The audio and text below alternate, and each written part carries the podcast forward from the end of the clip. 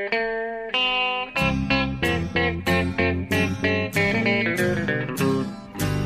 out there, we're on the air. It's hockey night tonight. Tension grows, the whistle blows, and the puck goes down the ice. The goalie jumps and the players bump, and the fans all go insane. Someone roars, Bobby scores at the good old hockey game. Oh, the good old hockey game is the best game you can name. And the best game you can name is the good old hockey game. Hallå, hallå, hallå, hallå, hallå, hallå, hallå, hallå.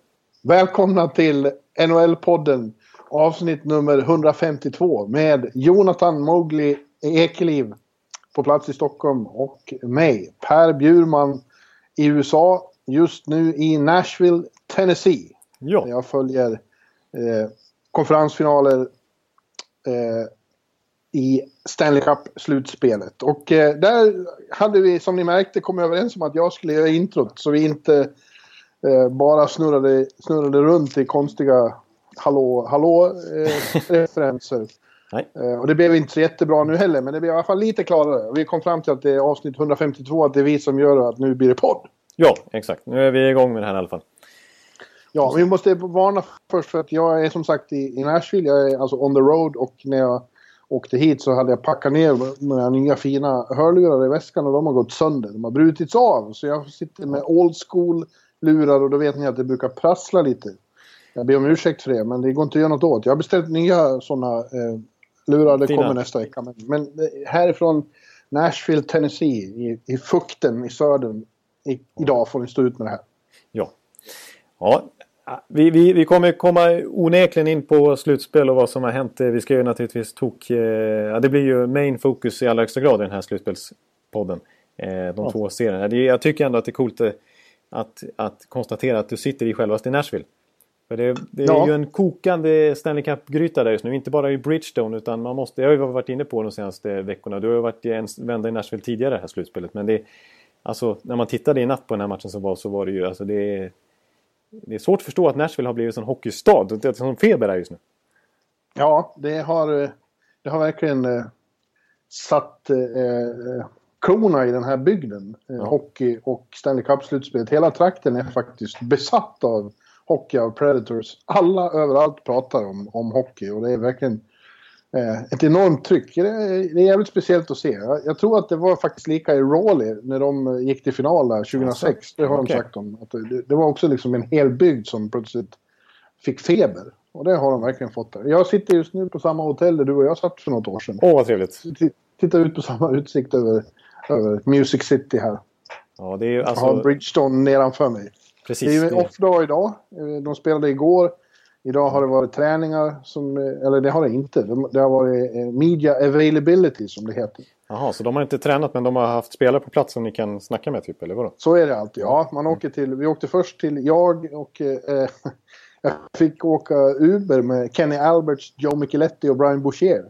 Ja, först okej. åkte vi till Anaheims hotell där, vi, där bland andra Raquel och Silverberg hade presskonferens.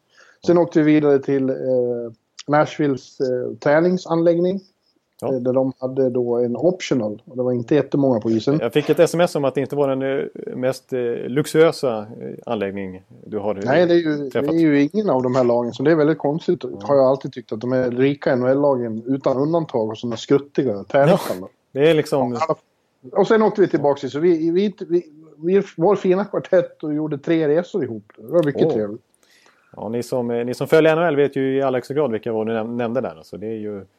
TV-trion. Ja, ver- verkligen. Kenny Albert är väldigt skicklig kommentator måste jag säga. Ja. Micheletti gillar jag också i Rangers.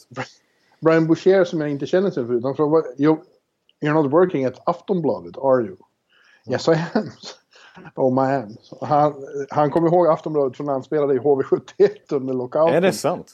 Och tydligen varit sågad i Aftonbladet hela tiden. Jaha. Ja, du ser det. Det är väl Ros och Wennerholm som har lämnat så djupa avtryck i, i, den här målvaktsligan. Ja, just det. Så det var ingen bra icebreaker där liksom. När han konstaterade att det var från Aftonbladet. Ja, och han var väldigt trevlig. Ja, hur som helst. Nu kommer vi från ämnet lite. Eh, som sagt, off-dag imorgon spelar de igen. Men även en sån här dag så är det liksom sjuder och de här klubbfärgerna syns överallt. Och trots att New Kids on the Block ska spela i arenan ikväll så är det mer fokus på Predators. Exakt, ja. Ja, det, det... By the way, vilket är inte båda gott för matchen imorgon för det var ju usel is redan igår och, och nu är det konsert med New Kids on the Block så det lär ju vara rena sörjan imorgon. Ja, just det. Då, ja, det. Det låter ju inte alls eh, lovande alltså. Men jag måste säga, det här, eh, de här färgerna gult alltså. Det, det, när, det var inte bara några år sedan de bytte till gult. Till helt gult och gula hjälmar och grejer. Det, det, det var inte så snyggt kanske. Det, jag, jag har läsare i bloggen som hävdar att det inte är gult. Alltså, utan att det är orange, men det är gult. Det är, det är ju gult. definitivt gult. Ja, ja, det är inga snack. Och det kanske inte var så snyggt, men det var ändå väldigt markerande för Nashville. De sticker ju ut. Det känns mm. som att det här det var ungefär sen det bytet som Lavillette kom in som det liksom blev någon slags riktningsförändring för hela hockeyintresset i eh, Nashville. Det lyser upp liksom. När, när så många har den här il guldfärgade så det, det, det, blir väldigt bright inne i arenan när man är ja. där. Ja, det, det märks från tv-rutan till och med att det liksom är att det är i Nashville, av de fyra Stanley Cup-arenor vi har kvar i slutspelet måste jag säga att det är ju inget snack om att det är den som sticker ut allra mest. Ja, verkligen. Absolut. Det, här, det är överlägset bäst tryck här. Ja, ja du har ju varit roligast, överallt. Roligast, ja, roligast att vara på. Men jag har inte varit i Anaheim, men Nej. de andra har jag varit. Ja. Som är kvar. Men jag har varit i Anaheim förut, men inte just nu i slutspelet. Ja, just det. Eh, och nej, men det, det, det är jävligt eh, eh, stimulerande och roligt och, och, och häftigt att vara med om det här i, i Nashville. Ja, det kan jag tänka mig. Hockeyn verkligen fått sitt superstora genombrott här. Ja. Ja, jag måste erkänna att jag, jag har fått eh, besöka det en gång med dig och jag, jag, jag vet ju, bara det var en skruttig grundseriematch och redan då upplevde jag att det var cool stämning. Liksom. Ja. Men det här är något helt det blir, annat. Det blir bra fart på, på, på, på barerna och på honky tonksen oh. här på, ja, på nätterna. Rakt nedanför, samma gata. Ja.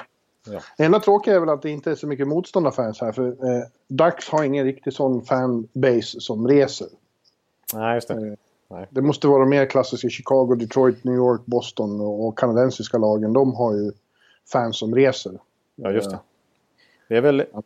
Är det inte så att Nashville i tidigare slutspel, jag vet att Tampa gjorde det faktiskt mot Chicago just i finalserien 2015. Jag vet att Nashville har gjort det, jag tror St. Louis har gjort det också att man har eh, blockat Chicago-fans till exempel och kanske andra fans med stora eh, bortaföljen från att köpa biljetter. För att ja. man inte vill att, att det ska vara bortafans i arenan. Eh, Men det tror jag inte Nashville har behövt göra den här gången. Nej, precis. Exakt. Men eh, ibland när det till exempel är Chicago som kommer på besök då tvingas man göra, ta till sådana åtgärder för att det inte ska bli kaos på läktarna. Ja. ja. Men eh, Ja, du, innan vi går in totalt på slutspelet så har vi lite smågrejer vi vill ta upp. Inga, inga större nyheter. Det har inte hänt eh, sådär fruktansvärt Vill och vill, vi måste fylla ut tiden. vi måste ändå ha lite, lite grejer vi, vi tar upp. Eh, ska vi, börja? vi kan ju börja precis som förra podden faktiskt bara med att konstatera. Då pratade vi om att Bishop hade blivit, att hans rättigheter hade blivit tradade till Dallas. Mm. Eh, bara någon dag senare efter att vi hade spelat in så hade han också skrivit på ett kontrakt. Eh, eh, ja. Sexårskontrakt med lite no movement-klausuler framförallt i, i början av eh, främre delen av kontraktet. Det är värt nästan 5 miljoner dollar per säsong, lite drygt 4,9 tror jag. Så man kan väl säga 5 miljoner per säsong. Dollar i capita. Ja. Eh, ja. Den allmänna bilden är väl att det är rimligt, eh, rimligt med pengar, men lite långt. Eller ganska långt, väldigt mycket långt. Men som vi har konstaterat när vi har diskuterat kontrakt förut så it's the price of doing business. Det, går, det är väldigt svårt att, att, att få mer rimliga kontrakt. Man får betala ett högt pris för att få dem man vill ha. Ja, precis. Alltså det, det, förra året var nästan... Det har, det har varit en tendens nu i flera år rad, men förra året var ju brutalt med Andrew Ladd och Frans Nielsen och ja. alla möjliga exempel. Och, och eh, folk, alltså spelare som är över 30 får verkligen superkontrakt nu för tiden. Det fick de kanske förut också, men nu får de verkligen den längd de vill ha. Och de får det rejält med pengar och det är samma sak med Bishop. För det är klart att ingen general manager vill skriva ett sexårskontrakt med en skadeförföljd målvakt över 30 bast. Nej. Det är inte rimligt. Men, eh, nej, det är kanske inte rimligt. Och på lång sikt kommer det att bli problem. Men Dallas är ju väldigt inne i ett uh, win now uh, mode, känns det som. Ja, alltså Jamie Benn i sin prime är 28-29 bast och Tyler Sagan den 26, 25-26 någonstans. Och ja. mycket i övrigt. De har inte, även om det sket sig för dem i år så, så var de ju långt framme och vann den västra konferensen så sent som för två år sedan. Så det, det är inte många pusselbitar som saknas. Kan de få ett skadefritt år till skillnad från den här säsongen och värva en, en eller två backar kanske. Och så ett, en Bishop i normal form. Så, så är de ju helt plötsligt en contender igen. Med Hitch som tränare. Ja, just det. Med Hitch som tränare. Det är lite ja. anmärkningsvärt. Men, äh, ja. Ja, nej men jag tror det. Ja, alltså, vi var inne lite på det förra veckan. Att det är väl... Eh, det är lite desperat move av Jim Neal men eh, han var ju tvungen att göra någonting åt målvaktssidan och han får den kanske bästa marknaden på fri, målvakten på freenhetsmarknaden i alla fall. Ja. Och fick betala för det så att säga. Men han sa att han, han fick se vad han skulle göra med de två finländska målvakterna. Han sa att det var tydligen inte nödvändigt att köpa ut dem. Han hävdade att vi har ett väldigt bra cap-läge här, hävdade han. Ja, jag vet inte vad jag ska bemöta det. Jag tror att han överdriver lite grann där. Men, men eh, eh, jag, jag, tror snarare än att köpa ut så tror jag att det kanske kan vara möjligt ändå att eh, trada någon av Lehtonen och Niemi mot att man behåller en stor del av lönen. Ja. fördelen med det är ju att köper man ut dem så visst då får man mindre capita men då, då slår det ut över två år. Jämfört med om man bara om man tradar dem nu så har de ju faktiskt bara ett år kvar på kontraktet och då om man behåller lön så är det bara över ett år istället för en, ett utköp på två år. Så jag tror, om de lyckas hitta en, en köpare och kan behålla en del av lönen så tycker jag att det är ett bättre alternativ. Men det kanske är mm. lättare sagt än gjort. Det, det är ju tveklöst så att Jim Neal har sonderat den här terrängen i ett års tid. Tampa kanske vill ha Lehtonen. Eh, tveksamt. Jag trodde det skulle komma ett usch. ett usch ja, ja precis. Ett, eh, dagens första usch. Ja, det kommer, det kommer säkert komma några usch. Eh. Såg du apropå det, apropå Tampa, det här var ju något som vi inte tog upp i vårt spontana lilla körschema. Tampa ligger bäst till för att få, eh, eh, vad heter det? All Star-helgen. All Star-helgen i januari. Ja. ja. Ja, det är ingen som är ledsen för det kan jag säga dig. I, i, i hockeyvärlden. Nej, det, det, det, är väl trevligt att, att få hänga där på eh, Tickebaren en hel helg. Tickebaren forever, ja. Ja, och, och jag, jag, kan förstå. Vår ägare Jeff Winnick eh, är ju en, eh, en snubbe med Dolores och som gillar att och, och skapa lite... Eh, ja, men han, han, gillar, han har ju rustat upp hela området där och han har ju lagt, investerat väldigt mycket pengar i Tempo och gillar att och lägga lite guldkant på Adam med en Ostar till exempel. ja. ja. ja, de har så. haft det förut, eller hur? För 20 år ja, sedan. Ja, länge sedan så var det faktiskt i Tampa också. Mm. Mm. Ja, jag hoppas, jag hoppas på det. Ja, det gör jag också. Jag gillar ju inte All Star-helgen som sådan, men, men jag kan förstå, som journalist eh, som får vara där så är det naturligtvis trevligt. Mycket? Menar, ja, jag förstår. Det är en trevlig helg att arbeta på, så att säga. Ja, arbeta och arbeta. Ja, just det. det är kanske inte just den eh, delen då. Ja. Nej, men eh, jag förstår vad du menar. Nej, men det är trevligt. Det är, trevligt. det är lika med hela det här. Allt du gör, som, som någon sa, hur, hur är det i, i hockeyjournalistbranschen? It, it beats working. Ja, ja. Ja, ja, exakt. Ja, det, det, jag, eh, jag tycker att du har ett förnämligt jobb. Ja, du med. Ja, jag också som får sitta och prata NHL på arbetstid sen. Det är inte så dumt. Ja. Det är faktiskt inte. Men eh, en annan sak vi kan eh, ta upp det är ju att, eh, eller ska vi ta det här först? General Managers of the Year Award. Eh, ja. De, de, tre kandidaterna ploppar upp här eh, kort innan vi spelar in podden. Jag stod bredvid en av dem idag i den där fula ja. träningshallen. Just det, du stod bredvid David Poyle. Ja. Nashvilles general manager. Det är han som, som är en av kandidaterna ihop med Pierre Dorian från Ottawa och eh, Peter Chiarelli från Edmonton. Ja. Ja, jag vet inte vad man ska säga om det. Eh, då kan man säga att Cherelli får, får cred för Adam Larsson-dealen och eh, Poyle för Piqué Subban-dealen. Ja. Kan man säga så? Ja, det blir nästan lite så. För det är ju de mest markerande movesen de båda gjorde. Ja. Att, att, att Edmonton har blivit bättre, eller blivit en contender beror på Conor McDavid och det var ju bara tur. Det ska inte Cherelli ha något cred ja, för att han vann ett lotteri. Toktur. Ja, det är klart att skulle de inte fått honom så, så... Jag menar, även om det hade varit Jack Eichel så hade de inte förmodligen varit så här långt fram i utvecklingen. Så är det ja, Jag vet inte. Är det någon annan man kommer på spontant som liksom, har gjort något fantastiskt byggmaterial? Man, man tyckte ett tag kanske att Bowman är fantastiskt att han lyckas igen med, med sina, med sitt begränsade svängrum och bygga ett så bra lag i Chicago. Men de var inte så bra visade det sig. Nej, precis. Alltså när man baserar på grundserien, som ju det här ska göra, så, ja. så var vi imponerade både av Quenville inte minst och tyckte att han till slut förtjänade en, en nominering. Eh, och eh, Boomer förstås också. Men eh, som du säger, det var ju... Inte luftslott ska jag inte säga, men det, de hade ju verkligen inte mycket att säga till om i, i slutspelet sen. Det var ju ett tvärstopp. Eh, Peter Chiarelli, alltså... Den där dealen är ju svåranalyserad. För att, eh, men den, den, ser ju betydligt bättre ut nu än, än vad den gjorde då i alla fall. För då var det ju folk som kallade den för den sämsta traden genom tiderna. Det var faktiskt folk som sa det om äh, Taylor Hall mot Adam Larsson. Nödvändigtvis inte för att Adam Larsson skulle vara någon dålig spelare utan för att Taylor Hall borde genererat något större. Ja, men, ja, precis. Men om man ska se till balansen i laget vi, så, så, får man säga, och jag måste, jag måste säga att jag är väldigt imponerad av Adam Larsson den här säsongen. De steg han tog, han växte ut till en riktig resa där bak.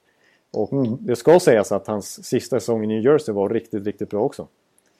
Så eh, den där stämpeln han har fått sig om att inte riktigt växa in i NHL-kostymen. Det har han gjort nu. Den är, den är bortsuddad. Det var ju samma sak med Victor Hedman. Det tog flera år för honom. Eh, han var, en, han var nästan vad man kallar för en bust de första tre fyra åren. Sen är plötsligt föll polletten ner och han blev grym. Så att jag, jag är lite ja. inne på att Adam Larsson går mot en sån utveckling också. För jag tycker det var så pass stora steg den här säsongen. Ja. Ja, nu kom du från frågan om general manager. Ja. Eh, andra som jag tycker skulle kunna nämnas är det konstiga med honom är ju att eh, med, med gamle old school Lou Lamoriello att det känns ju inte som han är klassisk general manager i Toronto. Utan det är så många andra som är med och bestämmer där och framförallt då Shanahan. Ja precis, exakt. De är så man, det känns inte som Lou sätter så särskilt stark prägel på det där laget. Nej precis. Eh, det, hans move skulle möjligtvis vara typ eh, Matt Martin och Brian Boyle. Det känns lite så här. Ja, men det känns som att han är mer rådgivare åt Shanahan än något annat. Liksom. Ja. Senior advisor. Precis, och så har de ju den här Kyle Dubas, Mr Stats Guy i bakgrunden. Och så har de... Ja. Sen måste man ge stor cred till, eh, nu tappar jag förnamnet, men Hunter, deras... Eh, som de har plockat in som scoutchef och så vidare. Eh, jag vet inte exakt vilken titel han har, men han har ju varit starkt involverad i att de har draftat Marner och Nylander och alla de här killarna som har kommit upp. Eh, det är ju ja. alltså, ja, Hyman och så vidare som de tradar till sig. Så att, Eh... Ser man till grundserien så tycker jag också att Fletcher i Minnesota och han i St. Louis, vad heter han? Lombardi? Nej. Doug Armstrong. Mm. Doug Armstrong. Lombardi var i LA och verkligen ja. intakt. Nej, han är, han är sist.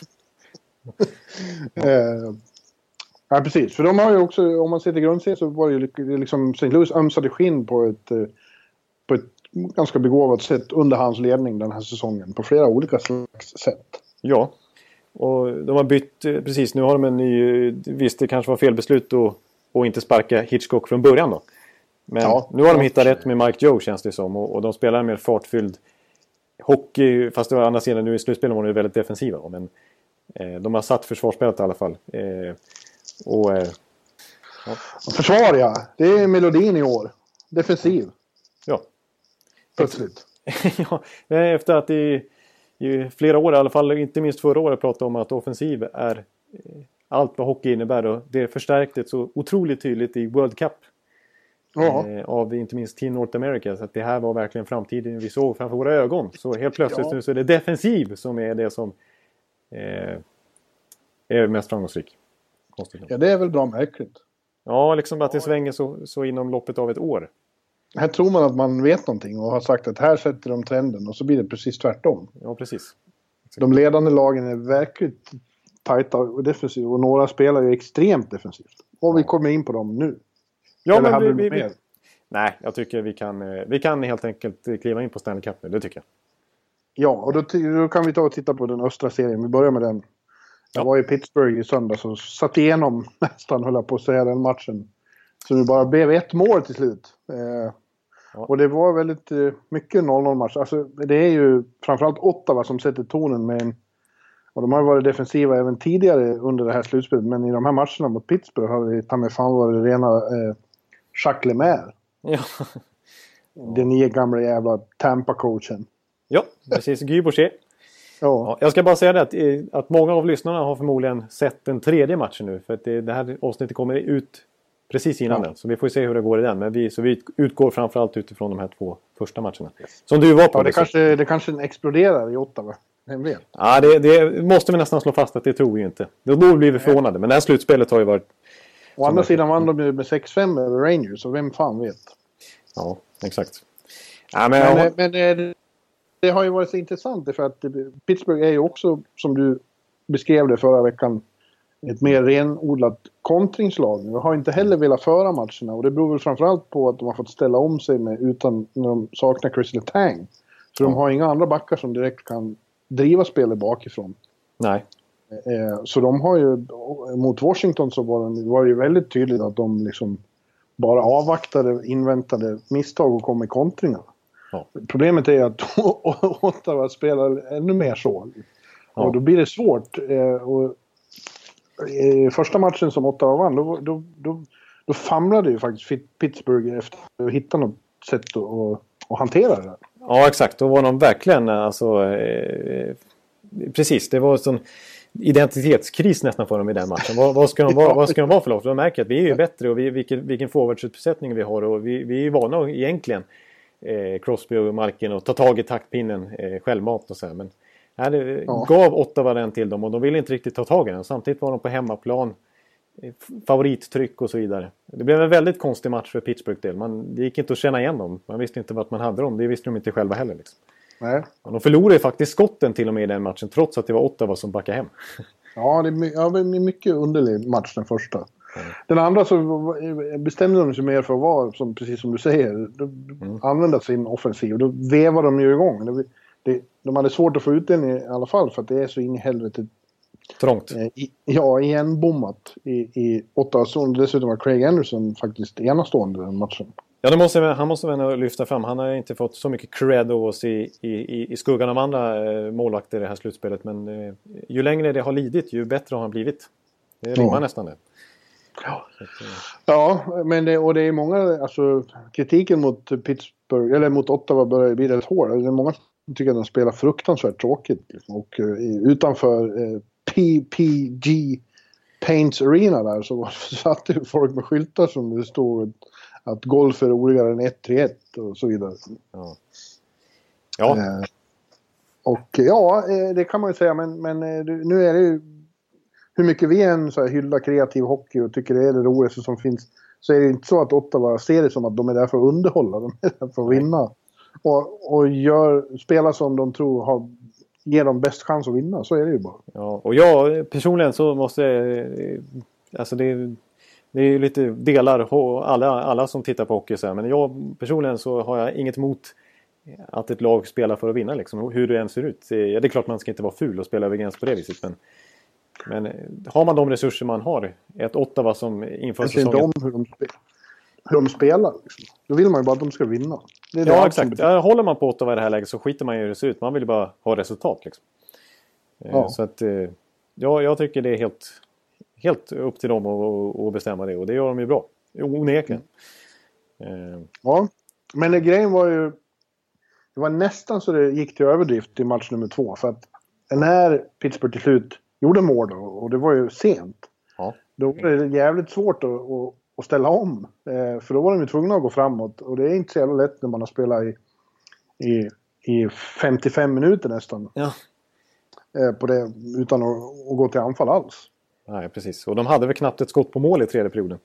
Nej. Och sen plötsligt då var det ju för sent liksom, att försöka bli, bli en offensiv maskin igen. Nej, exakt. Precis. Så man, man, man skulle väl möjligen kunna tycka att det skulle kunna variera sig lite mer. För de Ja. har ju ändå, jag menar, Hoffman och Stone och inte, får inte tala om Jean Gabriel. Bajot. Eh, Bajot som ju är, han har ju hot hands nu. Ja, och Bobby Ryan har hot hands också. Ja, Bobby, ja, ja, ja. Ja. Och så Erik då, men Erik har varit lite mer subdued i den här serien. Det Han måste har man inte säga. synts lika mycket, men det, är två, det har ju med två saker att göra. Dels så har ju Pittsburgh jävligt bra koll på honom. Han får inte mycket utrymme. Nej. Men dels så säger han själv när jag pratar med honom runt här att han, han fokuserar stenhårt på defensiven för att Pittsburgh har så extremt många offensiva vapen. Ja, precis. Och det, det är ju som du som varit inne på nu så i hela podden nästan att det är ju ännu mer tydligt att Ottawas eh, instruktioner från Guy Boucher är ju inte direkt offensiva. Utan, och det är klart att Erik måste följa det också. Han kan inte hitta- på vad han vill. Utan han har ju tyglar på sig också. höll Ja, för han spelar ju väldigt bra defensivt också. Det Ja. ska man inte glömma. Liksom. Han är ju... Nej. Han är ju det, det som tid, tidigare år har hetat att han inte har någon defensiv, det är ju eh, kvalificerad bullshit. Verkligen. Ja, ja. Nej, precis. Är, han, är, han är grym på att avväga saker i alltså defensiv zon. Och det är ju väldigt förlegat att tro att eh, defensivt spel handlar bara om att vara fysisk och rensa bort eh, spelare med kroppen framför kassen. Utan det handlar ju väldigt mycket om att, ja, smartness och vara på rätt, rätt positionerad och Ja. avväga när man ska rensa eller när man kan spela ut pucken och så vidare. Ja. Och hitta rätt ytor och så vidare. Och det är han ju exceptionellt expert på. Expert. Ja. Men det ska bli intressant nu. Som du säger, många som lyssnar kanske har sett den tredje matchen. Det har inte vi. Men då är Ottawa hemma. Det ska bli intressant att se hur de, om de försöker liksom lägga upp strategin lite annorlunda ändå. Ja. Ja, det har inte varit jättetydligt tycker jag tidigare i slutspelet att de har gått framåt på hemmaplan. Men det är klart, då, då är det ett annat... Det blir ju automatiskt ett annat tryck på, på lagen då liksom. Eh, Ja. Att, att eh, vila lite mer framåt. Publiken, trots att, trots att man varit inne på att hemmapubliken framförallt vill se seger, så är det ju ändå så att de vill se offensiv hockey. De vill se mål och de, de jublar ju betydligt mer när man går framåt än man backar hem liksom. Så det blir ju undermedvetet en mer offensiv press på laget. Hade de, hade de hållit i, tätt där i 60 minuter och sen kanske vunnit på övertid igen, då hade vi ju suttit här och sagt vilka, vilka genier. Ja. Att de klarar av det eh, i, i Pittsburgh. Så långt ifrån var det inte. De, de lyckas ju frustrera Pittsburgh också. Det är ju så. Ja, ja visst. Det, det, det är inte kul för motståndare som vill framåt och fastna i den här geggan he, hela tiden. Ja, det är bara att titta på Phil Kessel. Han höll på i båset. Ja, det var ju fantastiskt, fantastiska bilder från båset när han, framförallt han men även Markin sitter och skäller. Och, och jag förstår inte, mina kollegor i journalistkarden där, de ju, skulle göra sån stor affär av det där att det var osämja och så, men vad fan. Det är ju underbart, underbart Ja, ja, att se att ju de är engagerade. Ja, jag menar, ja, jag- det är bara att se till, se till mig. När vi är ute och åker bil och det blir fel och sånt där och jag Ja. skäller och skriker så är det inte för att vi är osams. Nej, det är, Utan det är för att det, du är engagerad. ja, ja, precis. Du är invested liksom. Och Ja. det är bara att kolla. Sen så går ju, sen går ju Phil Kessel och gör, avgör matchen liksom. Ja, på, och det kändes ju som att han gjorde det på ren ilska. Ja, ja precis. Och jag kommer ihåg eh, när vi körde i Manhattan där så gjorde ju du några helt sjuka moves där mellan bilarna. Det var ju liksom klatsch. Du klev in där. Liksom, Ja, nu får det var- vara nog. Ja, precis. Och liksom bara körde emellan som att det var rena polisfilmen. Liksom. Det, det, det, Så du fick ju ut maximalt av eh, din, eh, din, eh, din anger där. Liksom. Och precis som Chris Letang så satt du bredvid och bara skrattade. Ja, precis faktiskt. Det var exakt. Eller som, som, som Chris, Kunitz. Chris Letang, ja, ja, det är Kunitz menar jag, inte Ja. Letang. Kunitz, förlåt. Letang satt säkert på läktaren och, och skrattade. Kunitz satt ju bredvid och skrattade. När, Ja. när Phil satt och slog i handen Ja, precis. Han såg ut som någon eh, tecknad figur ungefär, eh, Kessel. Så arg var han. Liksom. Ja. Men det är en... Det är en, Ja, det är en så, så, såna har de. Hörnqvist har, är ju den också. Den, Ja, ja. Det brukar de ju skratta åt när han skriker och fräser. Precis, när han fullständigt skäller ut Sidney Crosby. Liksom. Crosby nästan bara garvar liksom. Hur hur har du mage att hålla på så här med mig? Liksom. Efter en, en riktig bagatell egentligen. Liksom, som, som, som Hörnqvist tappade fullständigt efter. Ja, ja. Men, eh, men jag måste säga, alltså Kessel, och jag måste stanna till bara lite kort för honom igen. Så, han är ju, det är ju en speciell fyr. Eh, vi kommer ihåg eh, hur han eh, eh, blev i Toronto när han var motsatsen till Klatsch och att han fick bära den stora skulden för eh, deras... Att det gått så dåligt. När han blev tradad Mm. från Boston så vann de Stanley Cup direkt där. Och, eh, och i, av Ron Wilson i Toronto så kallades han för uncoachable. ja, just det. Och så har det kommit fram lite stories att eh, eh, när han skulle bli draftad, han är ju samma årskull som Crosby faktiskt och har mött honom mycket som junior och sådär. Jack Johnson spelade i samma lag som Crosby, Jack Johnson i Columbus idag. När, när han blev eh, draftintervjuad inför liksom draften då, det var väl 2005. Eh, så sa ju Jack Johnson att eh, eh, ni ska inte drafta den här Phil Kessel alltså, för det är en dirtbag. Han är, han är inget då. Så att, eh, och det fick ju Phil Kessel sen frågor om i sin tur. Att det är en kille som heter Jack Johnson säger här att du är ju en skitstövel liksom. Du, det, lagkamrater gillar inte dig och du är konstig. Eh, och så har det kommit fram, Jack Johnson har ju berättat efter han också att eh, när, när hans lag, han och Crosbys lag mötte Kessel.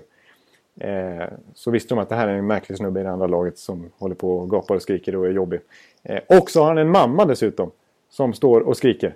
Så eh, Jack Johnson har bland annat berättat att när, när Crosby tekade offensiv zon eh, då stod eh, mamma där precis vid sargkanten stod och slog mot sargen och skrek så här Du är överskattad! Du, du, du, är, du är kass Crosby. Du har ingenting här att göra. Eh, var på Crosby vann, vann tekningen och gjorde mål. Och åkte fram till Kessels mamma och liksom hånade tillbaks. Wow. Ja. Och, nu, och nu är de på samma... Nu är de lagkamrater. Precis. Och vi ser ju Kessel, han är ju lite speciell fortfarande. Men han är absolut inte en coachable eller någon dirtbag. Utan han är ju, han är ju faktiskt en spelare av alla aktiva NHL forwards eller killar överhuvudtaget som, som har bäst målsnitt i slutspel.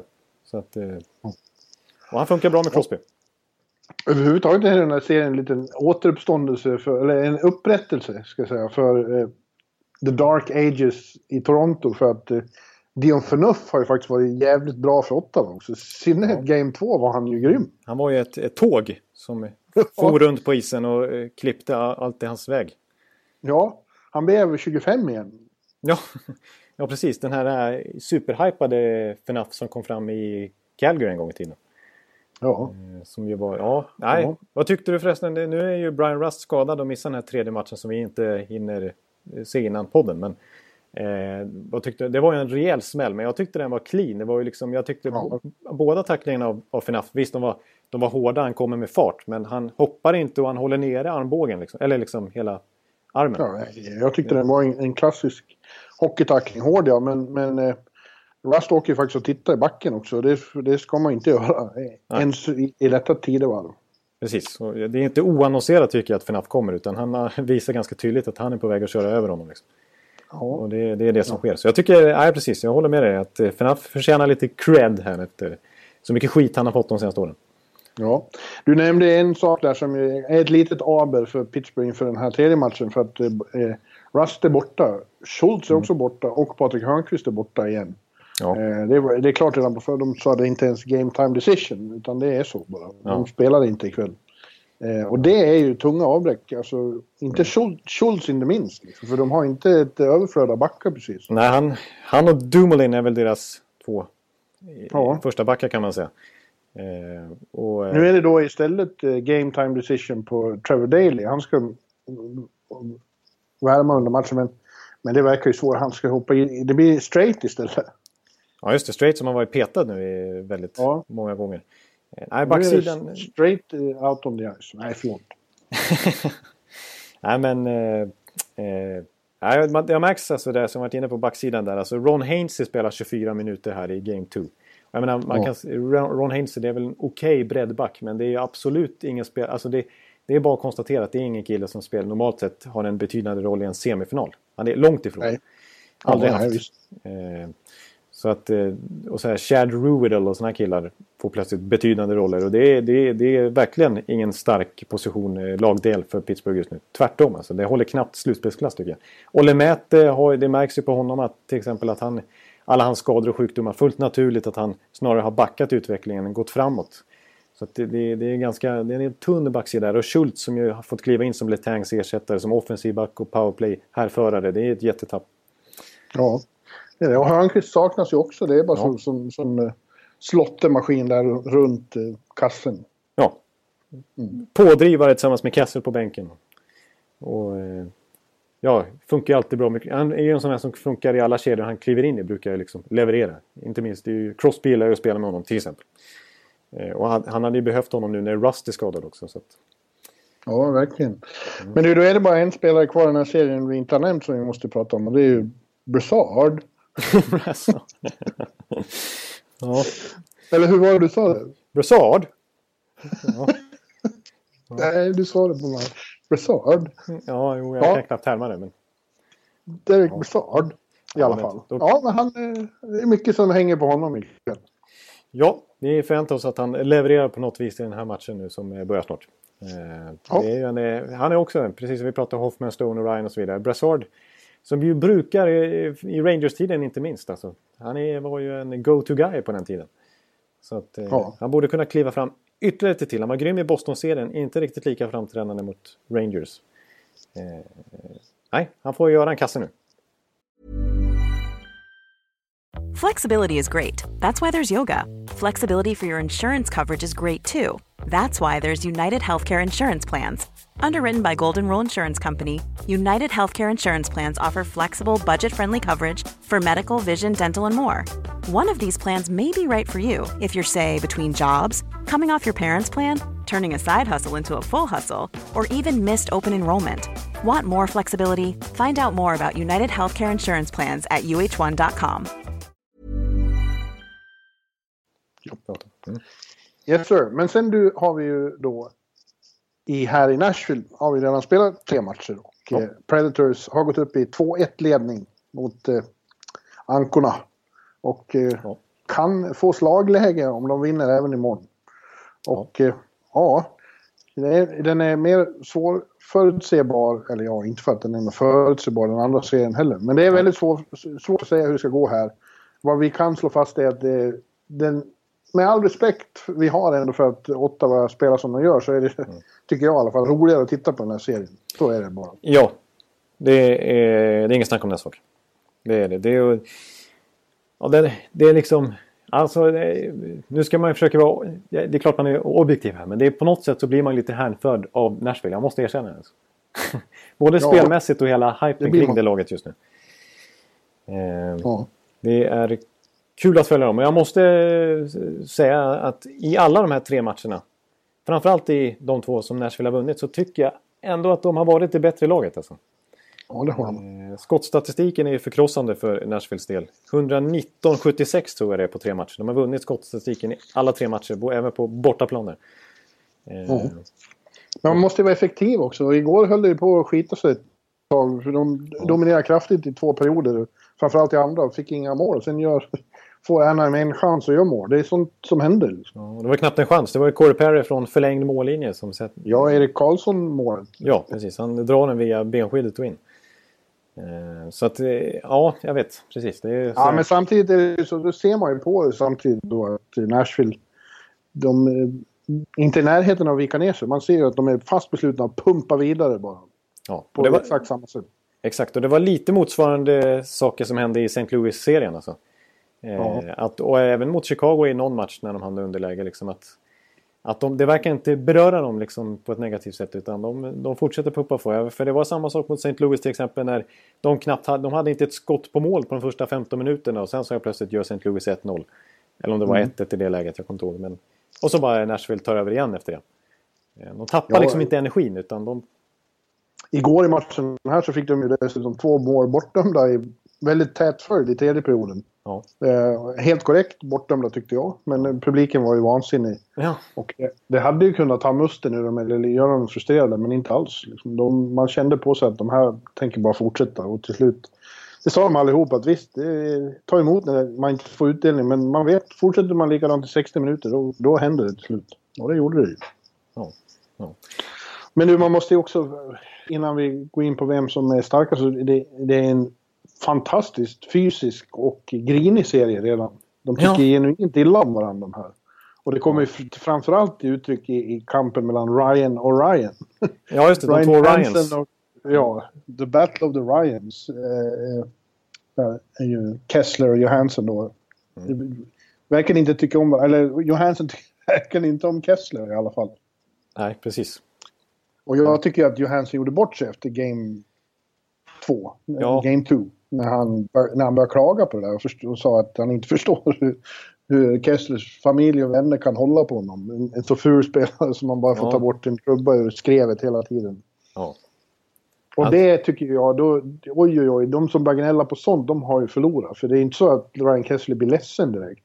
Nej. Han ser det ju såklart som ett, som ett kvitto på att han har lyckats. Eh, Han sa att han bara garvade. Jag vet att han inte tycker om det jag gör och därför fortsätter jag ju såklart. Precis, och han hade fått massa sms från, sin, från familj och vänner som sagt att jo, vi, vi stöttar det faktiskt. Det är inga konstigheter. Han är ju ett, ett, en gris liksom. Alla, Ja, ja. tycker, Han alla hatar att spela mot Ryan Kessler, men det är själva poängen. Ja, det är därför han får en hög lön och, och anförtros så mycket ansvar. Ja. Eh, att Igår hade ju då eh, Laviolette möjlighet att och hade sista, så han höll sig undan mer från Kessler. Mm. Eh, men ändå, vi- vi- vilken kamp. Och, ja, jag, tycker, jag tycker man ska vara tyst i det läget. I synnerhet när det har gått så bra som det gör för Johansson. Han var ju grym i den andra matchen.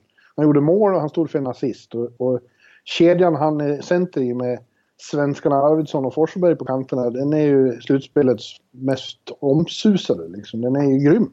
Ja, det är den hetaste framförallt i den här omgången vi kommer in i nu i konferensfinalen. Så tycker jag att det är den som sticker ut mest.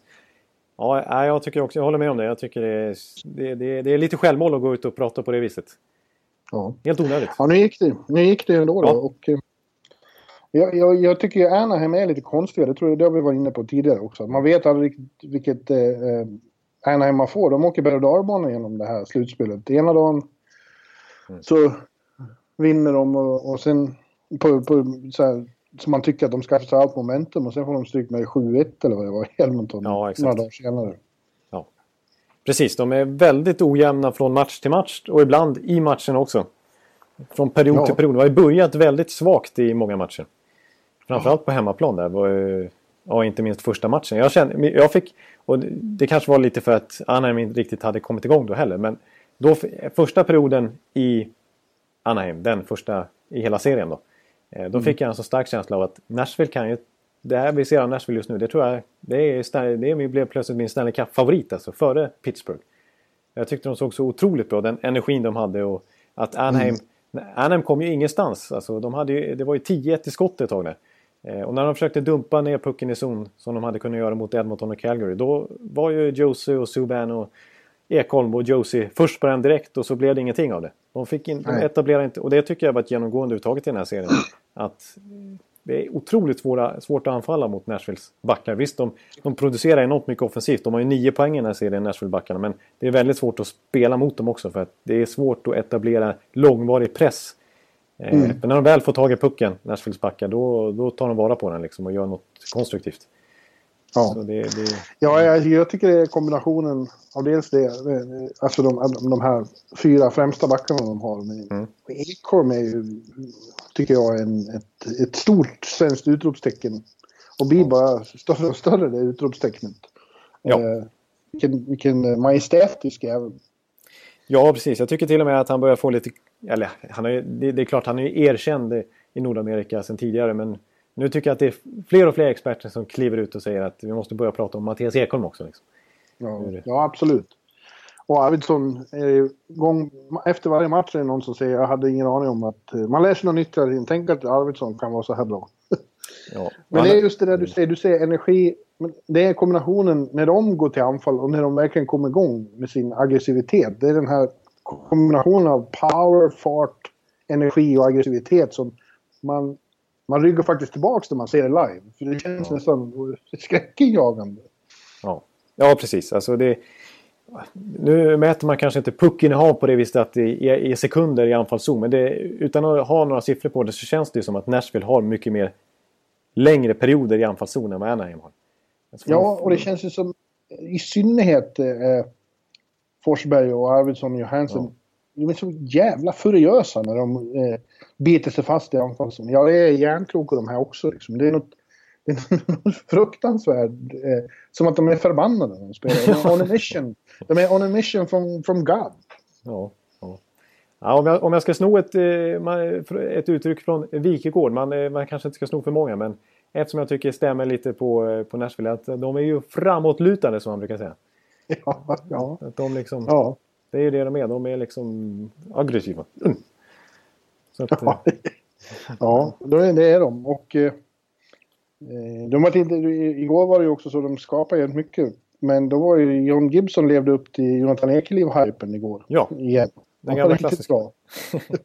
han var bra. Och ja. han var lite bättre än Pekka i några matcher här, tycker, tycker nog jag. Ja, för det, det måste man säga att uh, i Game 2 där, då hade varken Pekka eller uh, Pekka Pinne som du brukar säga.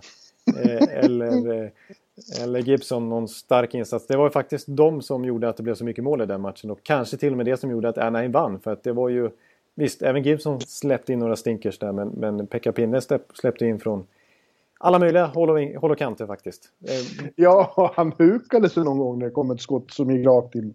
Precis. Och, och, så, och så lämnar de de här luckorna. När, ja, det Neil gjorde till exempel. Han trodde inte det var sant att han plötsligt bara kunde åka fram och lägga i pucken. Nej, just det. Exakt. Ett väldigt konstigt mål. Det är faktiskt Arvidsson ska ha cred för att han stod och skymde Gibson ordentligt. Men trots det så var det ju väldigt märkligt att Ryan Johansson... Ja, men så gjorde Silverberg likadant. Eh, ja. Nästan. Just det. Rakell var... fick över pucken. Just det, just det. Ja, det var en, ja, kon... det var en konstig match. Det, det, ja. Där har vi ju en konstant i Anaheim tycker jag genom slutspel. Det är ju att Jakob Silverberg har varit riktigt jävla bra. Ja. Han och Ryan Getzlav är deras bästa spelare skulle jag, skulle jag nog säga. Ja, det håller jag definitivt med om. Alltså Silverberg delar alltså skytteligaledningen nu med Jake Gensel. Nio kassar ja. på 14 matcher. Ja. Eh, det är ju slående fina siffror. Silverberg som ja. alltid bra slutspel och alltid... Jag menar, flera år sedan nu som han och Kessler har varit ett radarpar där. Alltså... Ja. Ett antal slutspel i rad trots att han blir ganska hårt åtgången av sina landsmän i Nashville. Några av dem som hör till hans bästa vänner. Ja. Järnkrok och Ekholm är kompisar, och framförallt Järnkrok. Eh, ja, de är ju super... Men även Filip, Filip gav honom en riktig tjuvsmäll i Game 2. Ja, precis. Alltså, du sa det om eh, att, eh, att det redan är fiender de här två lagen. Det var till och med alltså självaste bästa vännerna liksom. Ja. Alltså dels Järnkrok som hoppar på Silverberg efter någon avblåsning. De som är gammal, gamla bästa vänner alltså från Brynäs-tiden. Eh, ja. Alltid spelar samma kedja i flera års tid från juniorled och så vidare. Och sen, och sen Fille Forsberg alltså, som kör en liten spearing där alltså. Ja. Utanför spel. Upp i ja. nötterna på Silverberg. Ja, Järnkrok sa igår när jag träffade honom ja, vi, nu har man inga vänner. Så, ja, det där får, vi får se sen om det går att lappa ihop. Ja, för nu verkar de inte alls vara vänner. Så nu var det... Nej, och, Sil och Silverberg sa vi att de hade pratat före serien och sagt att nu får vi... Nu, nu lägger vi det här på hyllan. Ja. Eh, och så får vi höra sen. Jag tycker med... Men de är liksom riktigt goda vänner som du säger. Som jag förstår det så är det familjevis och så. Liksom. Ja, precis. Exakt. Så det är, det är liksom inte... Det är så konstigt. Det är som att du och jag skulle vara i varsitt lag och börja slå varandra. Ja, precis. Börja spela varandra och grejer. Utan... ja. Vem skulle vinna då? Vem skulle ha övertaget? Ja, jag, jag är inte så... I det fysiska spelet? Ja, jag tror att du har en fördel där. Alltså. Och trash talk, det skulle vara du. Och sylvassa små elakheter. Ja, det är möjligt att jag skulle kunna sticka några grejer i sidan där. Ja, som, som uteliggaren som gick på mig för några timmar sedan här. Jag gick på Broadway. Ja. Kom ut och ville ha pengar. Fråga. Han ville ha pengar till glass. Så jag sa ingenting. Han sa, du gillar ju glass, det ser jag på dig. Så, så skrattade han och gick. Ja, vilken lirare. Oförskämt. Vilken, eh, vilken stil alltså. Ja. Ja, du ser. Det är, det är, inspirerad av slutspelet här. Alltså. Sätt för mycket på järnkroket. ja. Nu sitter jag och håller i mitt, eh, en påse. Som det står Preds Playoff Survival Kit. Som, som ju väntade på pressläktaren igår. Och i det låg det en flaska Jack Daniels. Jaha, ni får sånt? Ja, de ute med sprit här. Är det sant? Jaha. Jack Daniels destilleri ligger inte så långt härifrån. Lynchburg är två timmar härifrån. Och där gör de Jack Daniels. Så det är väl de som har kört hit några flaskor och vill supa ner journalisterna. Journalisterna ska få känna på det. Och, just det. och få prata om det i podden här så blir det nästan lite, lite produktbasering här tänker de. ja, precis. Det var så de hade tänkt. Ja, precis. Nej, men eh, ja, det låter väl trevligt. Ja, nu kommer kom vi verkligen off eh, topic här. Ja, Ja. Men eh, vad finns det mer att säga om den här serien? Du, du tror... Ja, 2-1. Ta, Nashville-ledningen med 3-1. Och det, det tål ju här att påpekas att de faktiskt fortfarande inte har förlorat på hemmaplan. Nej, de precis. det har inte varit så många. Sex matcher har de vunnit i Bridgestone. Precis, och totalt tio... Det verkar väldigt svårt att slå dem här. Ja, exakt. Totalt, totalt tio hemmasegrar har de. Det är den bästa sviten tror jag på två decennium i Stanley Cup och sånt där. Om man räknar tidigare. Ja, totalt tio segrar sen, sen förra året. Från i fjol? Ja. Eh, så att, och de, eh, de senaste som slog de här var Anaheim. ja, det måste det varit ja. Precis. Eh. Nej, ja, exakt. Annars har ju varit... Eh, de tog ju två segrar i Anaheim då, Nashville. Eller en seger tog de förstås, var det med? Ett de splittade där. Mm. Men eh, det har varit... När de tog den första bortasegern där. Då var det alltså... I det läget var det fler bortasegrar än hemmasegrar i det här slutspelet. Ja. Faktiskt. Jag tror det var 35-34 då. Nu har det vänts då i och med att Pittsburgh vann på hemmaplan eh, och eh, Nashville och Anaheim har vunnit varsin på hemmaplan sedan dess. Men eh, ja, jag, jag, tycker det är lite signifikativt för det här som jag pratade om att, eh, att defensiven har premierats. Så det är lättare att spela defensivt eh, på bortaplan naturligtvis. Så då är den, eh, medan hemmalaget ja. som kanske har en defensiv spel trots allt vill pressa framåt lite grann. Så att, eh, jag tror att det är, det är ytterligare en markör för den här hockeyn som är av våren 2017 liksom. Men desto mer anmärkningsvärt är det ju då att Nashville inte har förlorat på hemmaplan. Nej, precis. Det är ju det som är så konstigt. Va? Ja. Att, eh, de motbevisar den här teorin. Liksom. Ja, eller ja, de är så bra. Ja, de är så bra. De, ja. Får de slagläge och tre matchbollar då är det svårt att se att de tappar det här. Nej, ja, det var lite som faktiskt jag sa vill jag påstå i Preview-podden förra veckan att jag trodde att, att eh, Nashvilles bortaspel eh, skulle generera minst en seger och att jag inte tänkte att de kan förlora på hemmaplan nästan. För de har ju inte gjort det tidigare i slutspelet och de har känt så starka. Och där kan man verkligen prata om hemmaplansfördel just på grund av det vi har pratat om här med det sjuka trycket som är där. Eh, ja. Den sjuka energin som bara sugs ner till eh, spelarna eh, från läktarplats. Så vad tror du? De vinner, här, de vinner här imorgon, förlorar i, i Anaheim på lördag och avgör hemma på måndag. Är det, vad du säger? Jajamän, 4-2 matcher. Har han sagt. Så att, ja, det har jag med. Så det ja. måste jag också tro. Ja. Så där har vi ja. utvecklingen. Om jag ska ja, försöka sticka ut hakan. Vad härligt. Jag ska vara mycket i Nashville, låter det som. Ja, precis. Då, I så fall blir det till och med en final. Du får återkomma och sätta dig uppe på eh, pressläktaren. Mot Ottawa? Nej, det vet vi inte. Nej, det vet vi Hur inte. Hur går det där då? ja... Nej, jag må... blir, det, blir det varsin match i Ottawa?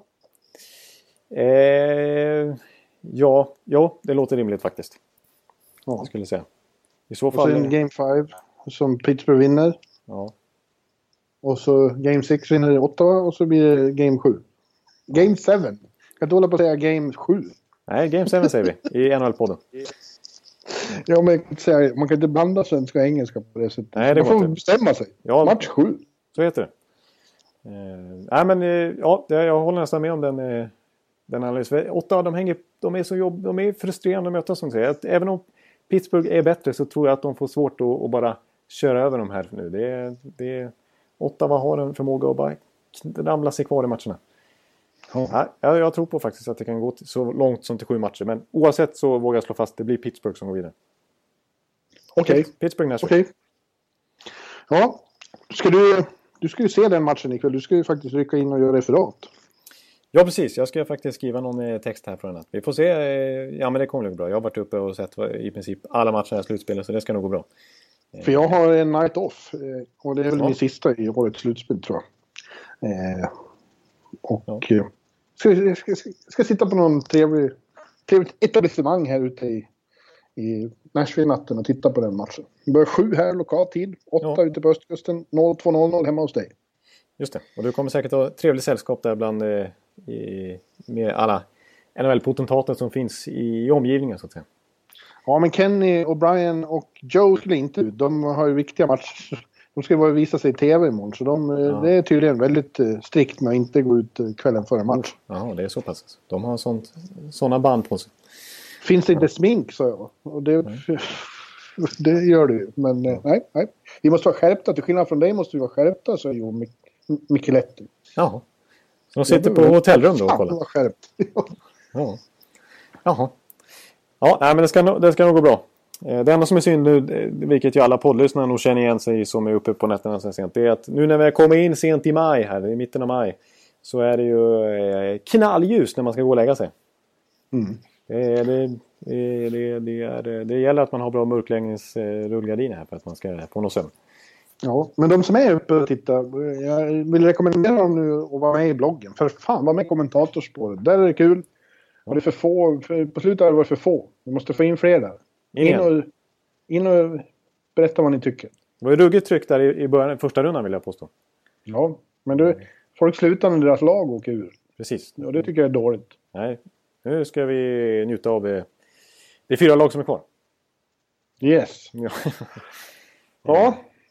Men du, jag måste göra en ordning här och jag ska ringa till någon och sen ska jag gå ut. Ja, Eh, då ska, då ska du få göra det. Och vi ska ju... Det är väl lite kort det här, men det är ju svårt att, väva ut så, så länge när vi håller på med bara två serier. Ja, precis. Att, men vi ska väl titta till, till finalen så kommer vi hitta på fler teman där vi kan fördjupa oss i som har med finalen att göra, tror jag. Precis. Eh, om lyssnarna har något förslag så är det bara att kontakta på Twitter eller skicka någon mail och se om ni har något ämne vi skulle kunna fördjupa oss i. Någon eh, lista eller någon ranking eller någon, eh, något tema i största allmänhet. Det är fritt fram. De bästa finaler du har sett, Jonathan? Ja. Mm. Ska jag ta på uppstuds? Ja, när Tampa vann, säger du förstås. Ja, då. ja, precis. 2004 var ju fantastiskt trevlig. Game 7. Martin Mm. St. Louis långt in på overtime uppe i Calgary. Och förstör för det Red Sea där. Och så kommer vi vända hem till Tampa. Och så spikar Javi Bolen och inget igen. Och så vinner man den matchen. Fantastiskt. Ruslan Fedotenko. Ja. ja. Men du, min gode vän Ja, Icke Liv från Örby. Nu säger vi, det är bara som sagt lite kort, men det får duga. ja.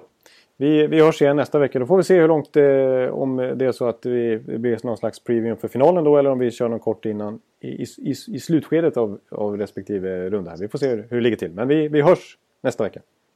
Yes. Adjö från Nashville. Hej hej! Hallå, hallå, hallå. Hallå, hallå, hallå. Alex Chiazot, Joe Luis Arena och Esposito. Esposito. Uttalsproblem, men vi tjötar ändå.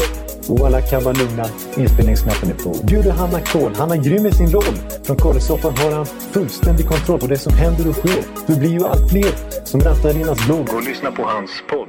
One, two, three, speed, so Hallå, hallå, hallå. One, two, three, speed, so Hallå, hallå, hallå. Ekeliv, som är ung och har driv. Verkar stor och stark och känns allmänt massiv. Han hejar på Tampa och älskar Hedman. Sjunger som Sinatra. Ja, och där ser man. Nu är det dags för refräng. Dags för magi, Victor Norén. Du är ett geni. Så stand up at home and remove your hats. Höj volym, för nu är det plats. One, two, three, speed, so Hallå, hallå, hallå. One, two, three, speed, so Hallå, hallå, hallå. One, two, three, speed, so Hallå, hallå, hallå. One, two, three, speed, so Hallå, hallå, hallå. Det är otroligt länge sedan båda samtidigt var så här bra. Hallå, hallå, hallå. Det är otroligt länge sedan båda samtidigt var så här bra.